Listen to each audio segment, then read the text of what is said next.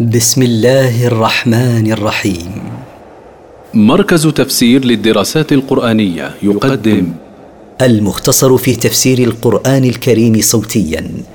برعاية أوقاف نوره الملاحي.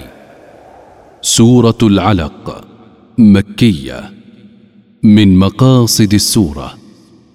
الإنسان بين هدايته بالوحي وضلاله بالاستكبار والجهل. التفسير. اقرأ باسم ربك الذي خلق.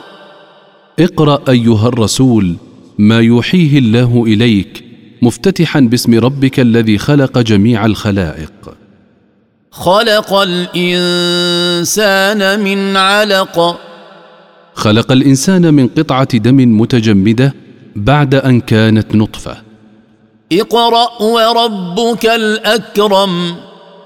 اقرأ أيها الرسول ما يوحيه الله إليك وربك الأكرم الذي لا يداني كرمه كريم فهو كثير الجود والإحسان.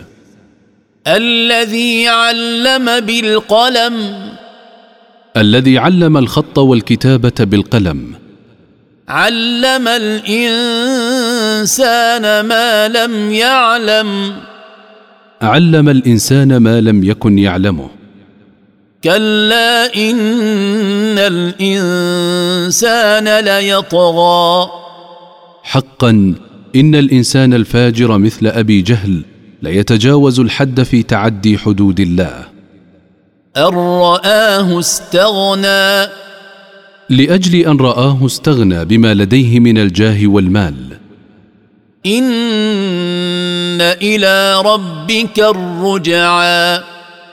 إن إلى ربك أيها الإنسان الرجوع يوم القيامة فيجازي كلا بما يستحقه. أرأيت الذي ينهى؟ أرأيت أعجب من أمر أبي جهل الذي ينهى؟ عبدا إذا صلى. عبدنا محمدا صلى الله عليه وسلم إذا صلى عند الكعبة أرأيت إن كان على الهدى؟ أرأيت إن كان هذا المنهي على هدى وبصيرة من ربه؟ أو أمر بالتقوى؟ أو كان يأمر الناس بتقوى الله بامتثال أوامره واجتناب نواهيه؟ أينهى من كان هذا شأنه؟ أرأيت إن كذب وتولى؟ أرأيت إن كذب هذا الناهي بما جاء به الرسول وأعرض عنه ألا يخشى الله؟